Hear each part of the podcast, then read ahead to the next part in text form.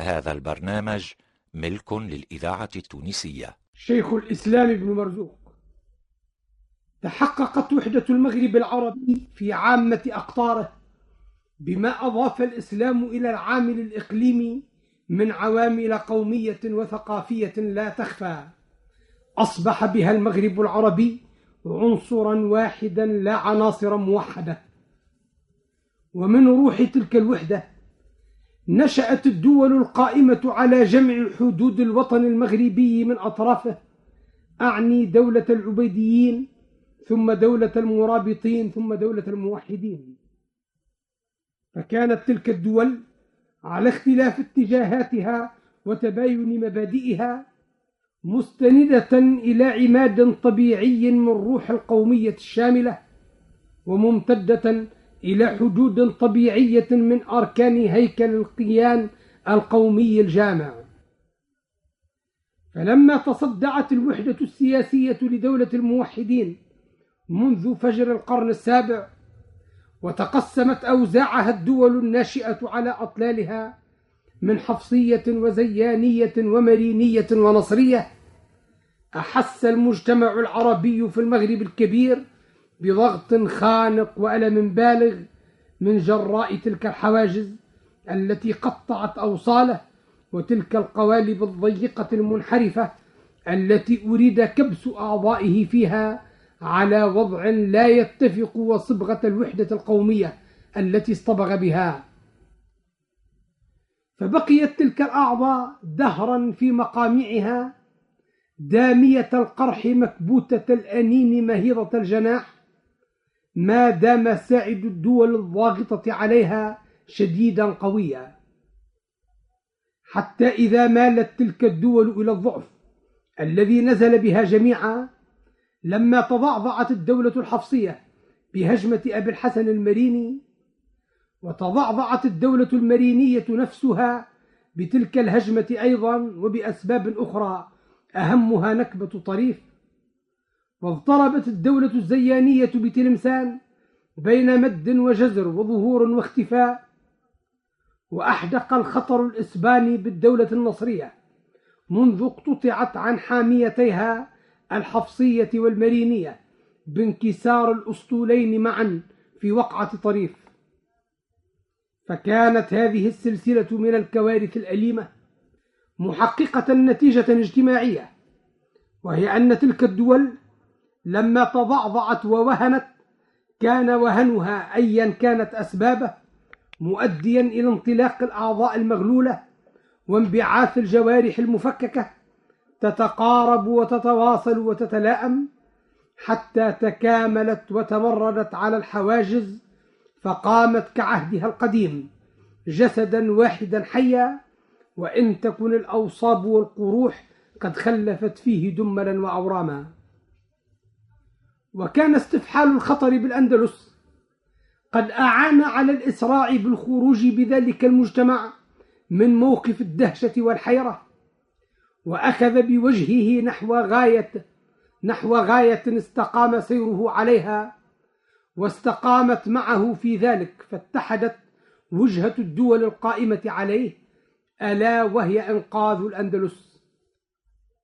فأصبح الدافع المشترك لجميع أقطار المغرب العربي شعوبا وحكومات هو التواصل مع الأندلس والتواصل ما بين تلك الأقطار بعضها وبعض في سبيل الأندلس. وتكونت بذلك الدافع المشترك أسباب جديدة من المواصلات اختصت طبعا بالعنصر الثقافي في ذلك المجتمع المتحد. وذلك بالاضطرار إلى تبادل سفارات. لا يضطلع بأعبائها إلا الأعلام من رجال العلم والأدب.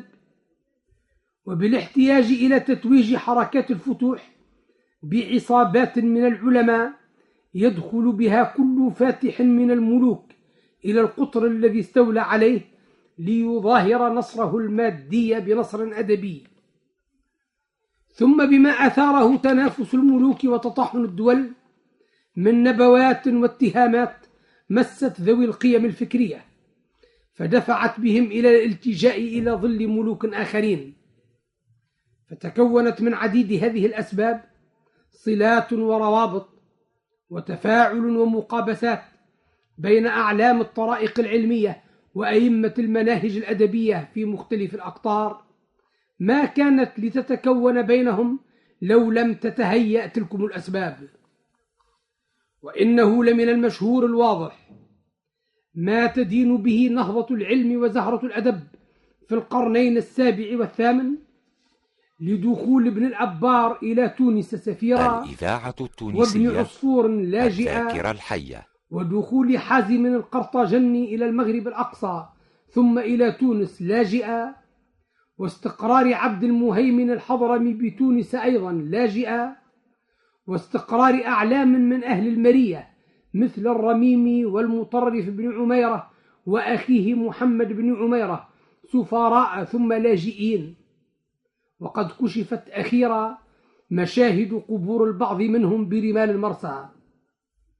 ثم دخول الأبلي والسط في معية أبي الحسن المريني عند استيلائه على تونس. ودخول المقري في معية أبي عنان المريني إلى فاس. عند عودته من فتح تلمسان ثم رحلة المقري إلى الأندلس لاجئا ورحلات ابن الخطيب بين فاس وغرناطة وابن خلدون بين تونس وبجاية وتلمسان وفاس وغرناطة سفيرين مرة ولجئين أخرى. وما نشأ عن تلك التنقلات من تلاقح في الأفكار والمناهج أصبحت بسببه وحدة البيئة الثقافية. أقوى لحمة لوحدة المجتمع المغربي. وكانت عاصمة تونس بكونها أقرب إلى السلامة من الأدواء والعلل التي نزلت بأخواتها فائزة بالحظ الوافر من تقدم العلوم وازدهار الآداب بسبب تلك الاتصالات. في جو هذه الوحدة الفكرية نشأت بتلمسان أسرة كريمة من أسر العلم أصبح الأساس المتين لسننها التقليدية الاندفاع في رياح ذلك العامل القوي عامل التواصل والتوحد وهي أسرة بن مرزوق. كانت هذه الأسرة في أول أمرها كما كانت أسرة المقري من الأسر التي وفد أصولها على تلمسان في رفقة الشيخ أبي مدين الأندلسي وخدمته. وهي أسرة بربرية من قبيلة عجيسة. تعاقب أفرادها على منهج الصلاح والتصوف حول مقام أبي مدين بالعباد ثم ولي أفراد منهم إمامة الجامع هنالك. ولكن لم يعلو نجم هذه الأسرة في العلم إلا أواسط القرن الثامن. بظهور نابغ فيها رحل في مقتبل شبابه إلى المشرق. فاكتمل تخرجه بالحرمين الشريفين ومصر والشام ثم رجع إلى المغرب فأتم تفوقه في تونس على يد ابن عبد السلام وابن عبد الرفيع وابن راشد وفي بجاية على يد ناصر الدين المشذالي وبتلمسان على يد بني الإمام. ونزل حصار أبي الحسن المريني بتلمسان سنة سبعمائة وثلاث وثلاثين فوجده نجما ساطعا في أفقها الزاهر فاتخذه عمدة لدولته. وبرزت موهبته في الخطابة واتسعت رحلته فخطب في تلمسان وغرناطة وتونس ومصر والشام والحرمين الشريفين. حتى قال عن نفسه إنه خطب على ثمانية وأربعين منبرا من بلاد الإسلام شرقا وغربا. ذلك هو العلامة الرئيس أبو عبد الله محمد بن أحمد بن مرزوق الملقب بالخطيب. وليس هو المقصود أصالة من حديثنا هذا ولكنه أصل الشجرة التي تفرع عنها ذلك الغصن الوارف الظليل الزاهر الذي عنونا باسمه حديثنا وهو حفيده وسميه محمد بن أحمد بن محمد بن أحمد بن مرزوق الملقب شيخ الإسلام والمشهور بابن مرزوق الحفيد. نشأ هذا الحفيد في ظل جده وتحت عظيم اسمه وذائع سمعته. ولكنه لم يعرفه عيانا إذ كانت ولادة ابن مرزوق الحفيد سنة سبعمائة وست وستين بتلمسان وكان جده قد خرج من تلمسان قبل ميلاده بعامين فأقام بتونس ست سنين ثم رحل منها إلى مصر فأقام بها عشر سنين وتوفي بالقاهرة سنة سبعمائة وإحدى وثمانين.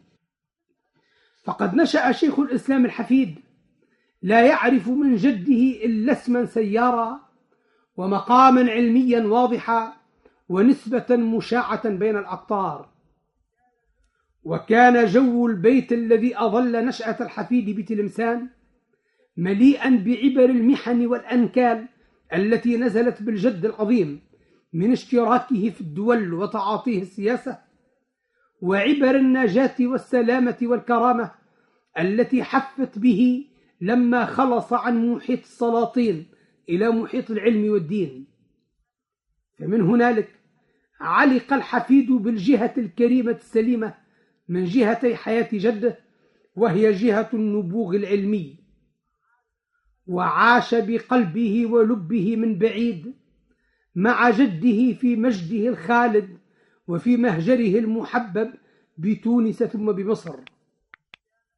وكانت أخبار ذيوع العلم وتقدير منازل أهله تملأ سمعه وتفعم قلبه.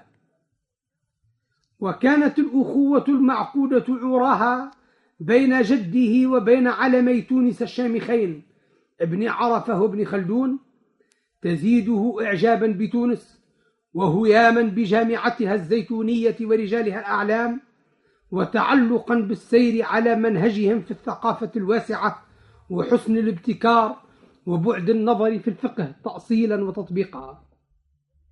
فلم يكد يشجو في طلب العلم بتلمسان حتى وجد نفسه مأخوذا بطريقة المشاركة بين الفنون وتحقيق بعضها ببعض وهي الطريقة التونسية المشرقية. وجانحا في الفقه إلى منهج النظر في الفروع بقواعد الأصول.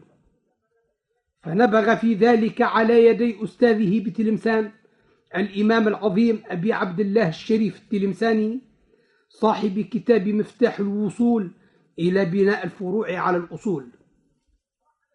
ثم رحل ابن مرزوق إلى تونس قاصدا الاتصال بزعيم تلك الطريقة وهو الإمام ابن عرفة والتخرج عليه. فقر عينا بالإيواء إلى ابن عرفة والاتصال به وكانت له في مجلسه نوادر ولطائف مشهورة. وقد أخذ طريقته في التفقه وتمسك بها وجلى فيها. وكان كل ما ذكره في كتاب من كتبه قال عنه شيخنا تحفة الزمان بن عرفة وأفاض في الإعجاب به والثناء عليه. الإذاعة التونسية ولازم ابن عرفة على ذاكرة الوطن. ثم لازمه في رحلته إلى المشرق وحج معه سنة سبعمائة وتسعين ورجع إلى تونس فدرس فيها. ومن الذين تخرجوا عليه بتونس قاضي الجماعة الشيخ عمر القلشاني والعلامة الصوفي الشيخ عبد الرحمن الثعالبي صاحب المقام المشهور بعاصمة الجزائر. واشتهر عمرو بن مرزوق وعلى ذكره في تونس فقصد بالطلب والمراسلة والأسئلة. فكتب إليه عالم قفصة الشيخ أبو يحيى بن عقيبة أسئلة أجابه عنها بكتاب سماه اغتنام الفرصة في محادثة عالم قفصة. وكتب إليه الشيخ أبو القاسم بن سراج الغرناطي أسئلة كذلك ألف له في الجواب عنها كتابا سماه المعراج إلى استمطار فوائد الأستاذ بن سراج. ولما رجع من تونس إلى تلمسان استقر فيها فشدت إليه رحال الطالبين من متباعد أصقاع البلاد المغربية. فانثالت هنالك في تلمسان جواهر تدريسه وتأليفه فأقرأ التفسير والحديث وعلم الكلام وأصول الفقه والفقه على المذاهب الأربعة كل مذهب بالمعتمد من كتبه وتبحر في دراسة فقه الحديث والمذهب المالكي وأقرأ النحو والبلاغة وأصول العربية والقراءات والتصوف حتى أصبح عدد المتخرجين عنه لا يكاد يدخل تحت حصر وأصبح التسليم بفضله وامتيازه أمرا مجمعا عليه فصار إمام علماء الإسلام وشيخهم غير منازع. وتأكدت سمعته الذائعة بالكتب القيمة التي صدرت عنه فطارت في المشارق والمغارب والرسائل المحررة والفتاوى المدققة التي حفلت بها كتب الفتاوى والنوازل وتضمن كثيرا منها كتاب المعيار الونشريسي وتعتبر أهم كتبه شروحه الثلاثة على قصيدة البردة النبوية للشيخ شرف الدين البوصيري.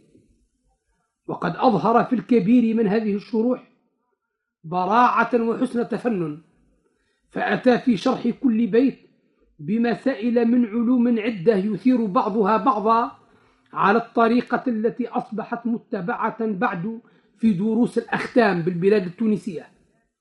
لكن مع ترتيب العلوم على صورة ملتزمة يعنون مسائل كل علم بانفرادها وهو موجود بخزانة جامع الزيتونة الأعظم.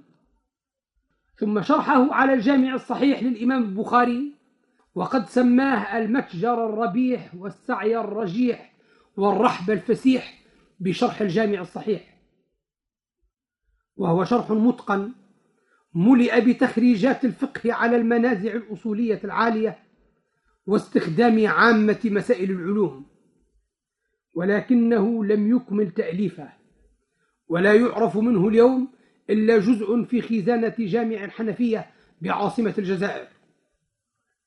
وأخيرا شرحه على مختصر الشيخ خليل في الفقه المالكي وقد سماه المنزع النبيل في شرح مختصر خليل وأراد منه أن يعمد إلى ذلك الكتاب الجليل بجمعه البديع في حسن اختصاره فيسلط على مسائله أنوارا من طريقة شيخه ابن عرفة المبنية على البحث والنظر والمقارنة والترجيح. يخرج بها الفقه عن نطاق الالتزام ويكشف اللثام عن الترجيحات والاختيارات التي انفصل عليها صاحب المختصر ببيان ما فيها من الأنظار الأصولية والتحقيقات الفقهية. فجمع الأصول التي اعتمد عليها خليل وفحص ما فيها من الأقوال ووضعها على بساط التعليل والتأصيل. ثم عرضها في معرض التعليق على عبارة خليل والتحقيق لها فأعاد بذلك ما كان للطريقة التونسية. في خدمة مختصر ابن الحاجب من قبل من تحلل من قيود الالتزام كما أشار إلى ذلك ابن خلدون وهي الطريقة التي سار عليها ابن عبد السلام ثم اشتهر بها تلميذه ابن عرفة. ولذلك شاع وصف ابن مرزوق الحفيد بالاجتهاد لأنه جرى في مجال الاختيار وتدقيق الأنظار مع أئمة الفقهاء المتقدمين بل المتأخرين ولكن هذا الشرح لم يتناول جميع المختصر الخليلي وإنما حرر منه جزءا في شرح أول الكتاب ثم جزئين من كتاب الأقضية والشهادات إلى آخر المختصر وهو موجود ضمن مجاميع المخطوطات ببعض الخزائن العامة والخاصة. ويظهر أن هذه الكتب وغيرها من جل كتب ابن مرزوق قد حررت بتلمسان لأن قراره إلى وفاته إنما كان فيها. وأن ما ورد في نفح الطيب من أنه توفي بالقاهرة وصلي عليه في الجامع الأزهر وهم نشأ من كون صاحب النفح. نقل كلام العلامة التونسي القلصادي الذي هو من تلاميذ ابن مرزوق فأتى به من ذاكرته كما هو شأنه فاشتبه عليه. والتحقيق الذي نقله عن القلصادي ابن أبي مريم والشيخ أحمد بابا وغيرهما محررا أن وفاته كانت يوم الخميس الرابع عشر من شعبان سنة ثمانمائة وأربع وأربعين وصلي عليه يوم الجمعة بالجمعة بالجمعة